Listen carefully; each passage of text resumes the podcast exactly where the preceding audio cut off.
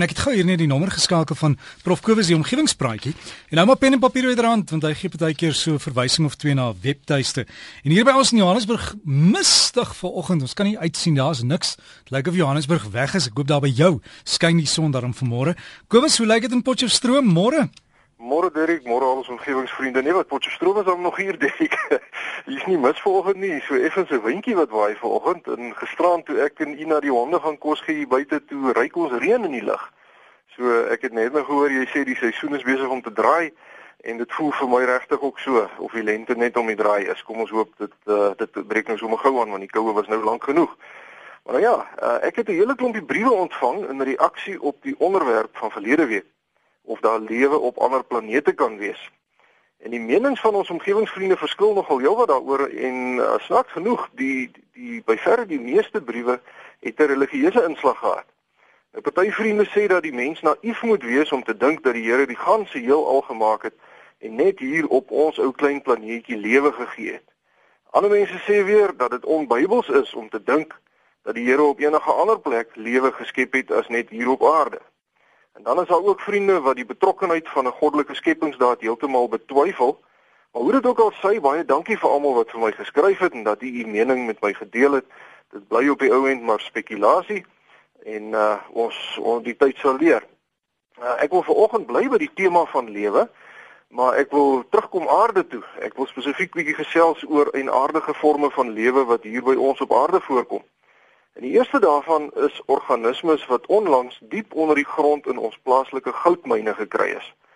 Die organismes is diep klein wurmpies wat deur navorsers van die Universiteit van die Vrystaat en ook Princeton Universiteit gekry is in die Beatrix goudmyn op 'n diepte van 1,3 km en nog ander organismes is in die diepste goudmyn in die wêreld gekry op 'n diepte van 3,6 km. Dit is ook 'n wurmpie maar van 'n ander spesies en hierdie wurmpie eet verwoed alles wat voorkom en hy is uiters ligsensitief. So as daar lig in die water skyn waarin die wurmpies nou leef, dan swem hulle vinnig weg. Nou in die Mponeng goudmyn is bakterieë gekry wat heeltemal afhanklik is van die radioaktiewe verval van Iran wat water dissosieer sodat waterstof geproduseer word en die bakterieë kombineer dan die waterstof met sulfaatione van ander gesteentes en produseer sodoende genoeg energie om van te kan lewe op 'n plek waar die son geen invloed het en geen bydrae lewer nie. Hierdie ontdekkings is besondere nuwe insigte in die aard van lewe op aarde, want tot dusver het die wetenskaplike gemeenskap gedink dat lewendige organismes slegs tot op dieptes van enkele meter onder die aardoppervlak voorkom omdat daar eenvoudig te min nutriënte en suurstof dieper in die aarde is so vir enigiets om te kan oorleef. Maar ons vind nou al hoe meer voorbeelde van geïsoleerde ekosisteme vol organismes wat ons bestaande idee van lewe eintlik bietjie omverwerk. Daar is byvoorbeeld 'n mikrobe gevind wat die Methuselah mikrobe gedoop is omdat sy metabolisme so stadig is dat die wetenskaplikes wonder of die ding werklik lewe. Dit lyk tans of die mikrobe se lewensiklus so stadig is dat hy miljoene jare oud kan word. Vandaar die verwysing na die Bybelse Methuselah wat 969 jaar oud geword het. Daar is op ander plekke bakterieë gevind wat hulle hele lewens sonder suurstof deurbring en ander wat soos die organismes nou hier in ons goudmyne nie die son se energie nodig het om te kan lewe nie. Die interessante van hierdie hele storie is dat die mense vir lewe op Mars begin soek het voordat hulle vir lewe diep hier in ons eie aarde begin soek het omdat daar gemeen is dat die diep aarde leweloos is. Maar in die 1980s het die Amerikaners begin om houers vol radioaktiewe afval onder hulle kernreaktors te begrawe in diep putte. En die departement van uh, departement van energie van Amerika het destyds al gewonder of daar nie dalk lewendige organismes in hierdie putte aanwesig sou kon wees wat die seels van die houers sou kon beskadig nie. En in reaksie hierop het 'n span wetenskaplikes begin soek na lewe in die diep boorgate en hulle was verstom om te sien dat dit krioel van bakterieë en enkelsellige organismes 500 meter diep in een van hulle toetsboorgate.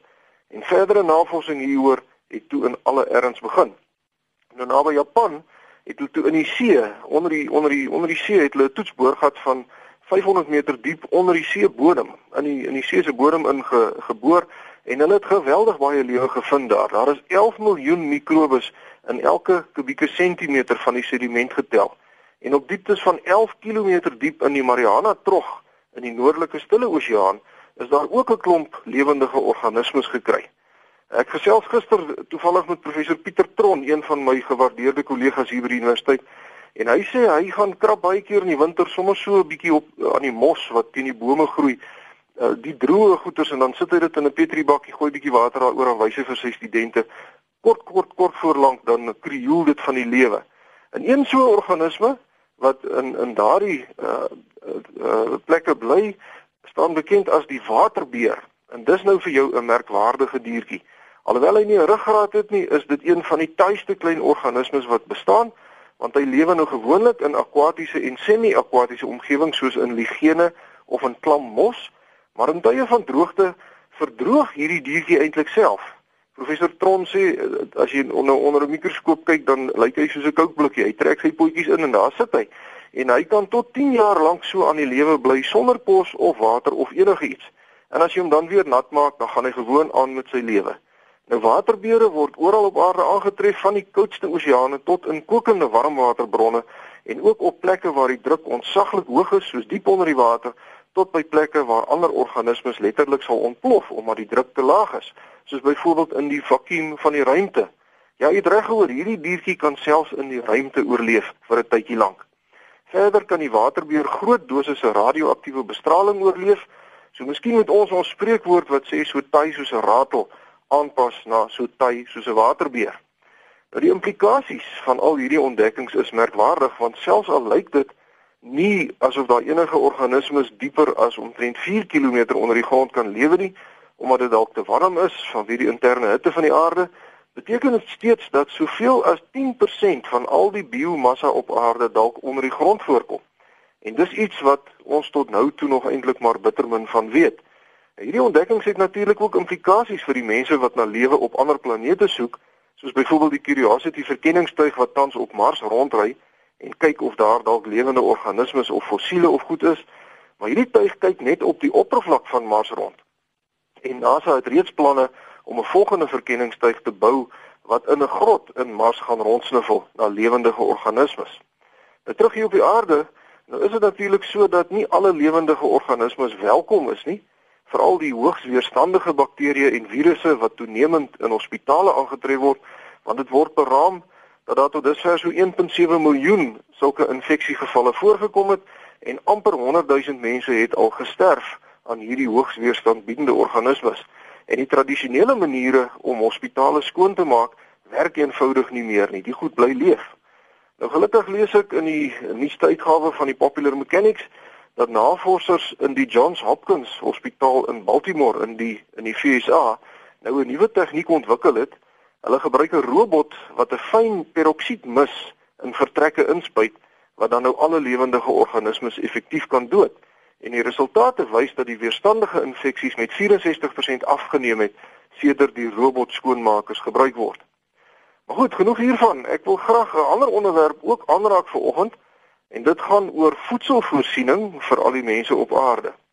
Nou Dirk, ek het twee broers, twee jonger boeties en albei van hulle werk in Noord-Afrika. My laatlaan boetie Willie werk in Egipte in die oliebedryf. Hy is daar in Kaïro en my ander broer Wessel werk in Sudan op 'n groot landbouontwikkeling uh saam met Suidwes Landbou hier van ons en dit gebeur uh, by 'n plek met die naam Al Daba. Nou Wessel het vir my geskryf en hy vertel dat daar onder die woestyn op 'n diepte van 350 meter 'n akwifer is, 'n grondwaterhouer waarin hulle nou al 83 boorgate gesink het en die gemiddelde waterlewering van die boorgate is 412000 liter per uur per boorgat. Dis geweldige sterk water so onder die woestyn en fase 1 van hierdie landbouontwikkeling behels 7200 hektaar wat dan nou met hierdie water besproei sal word. En dis maar net die begin want die plan is om mettertyd die landerye uit te brei tot 'n reuse 108000 hektaar.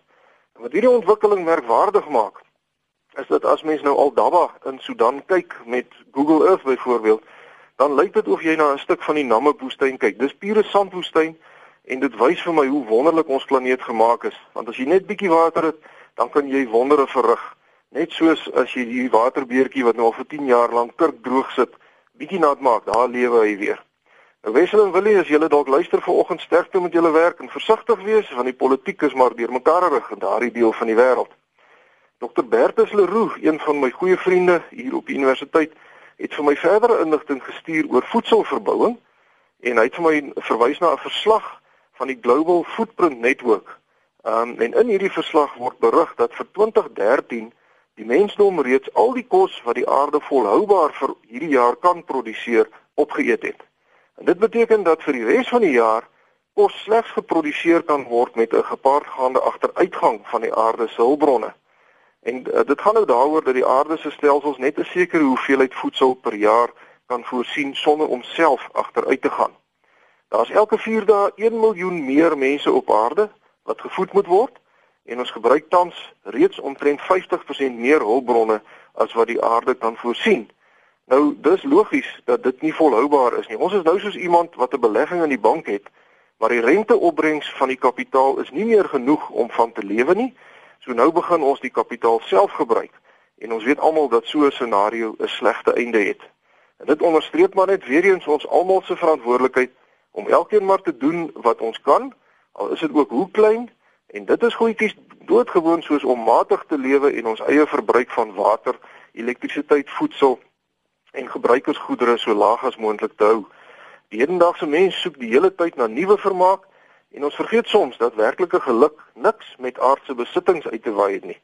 En daarom wil ek graag vanoggend afsluit, Derek, ek het gehoor jy en JJ gaan later ook bietjie gesels hieroor, maar ek wil net graag ons omgewingsvriende herinner aan die Cape Floral Kingdom Expo wat van donderdag 29 Augustus tot saterdag 1 September plaasvind uh in Bredasdorp. So as u dalk in daardie geweste is en miskien uh, die Namakwaland se blommetjies gaan kyk, gaan verlustig u self gerus ook in die pragt van ons Suid-Afrikaanse blommeryk daar in Bredasdorp om te kyk na die Kaapse uh floristiese blom uh, blomme koninkryk. Uh daarmee sluit ek af vanoggend. As van ons omgewingsvriende vir my wil skryf, is u baie welkom. My rekenaaradres is kobus.vanderwalt@nwu.ac.za en my posadres is die fakulteit Natuurwetenskappe, Noordwes Universiteit, Potchefstroom 2520. Vriendelike groete tot 'n volgende keer. Dankie Kobus, is kobus.vanderwalt by nwu.ac.za. En Kobus uh, John Tennyson van Beaufort Wes sê dankie dat jy so mooi na hulle kinders kyk daar op uh, die universiteit en naby die koshuis. Ja, Dirk, dankie vir daai kompliment, maar hier's al baie manne hierso wat en dames moet ek sê wat wat uh man ons ons universiteit ons ons ons is eintlik hoe kan ek sê ek wil nou nie breek nie, maar ons ons is trots daarop dat ons regtig probeer om na ons studente as totale mense te kyk en uh nee, is... dankie, dankie vir die komplimente, dankie vir die ouers wat dit raak sien want ons probeer regtig hard.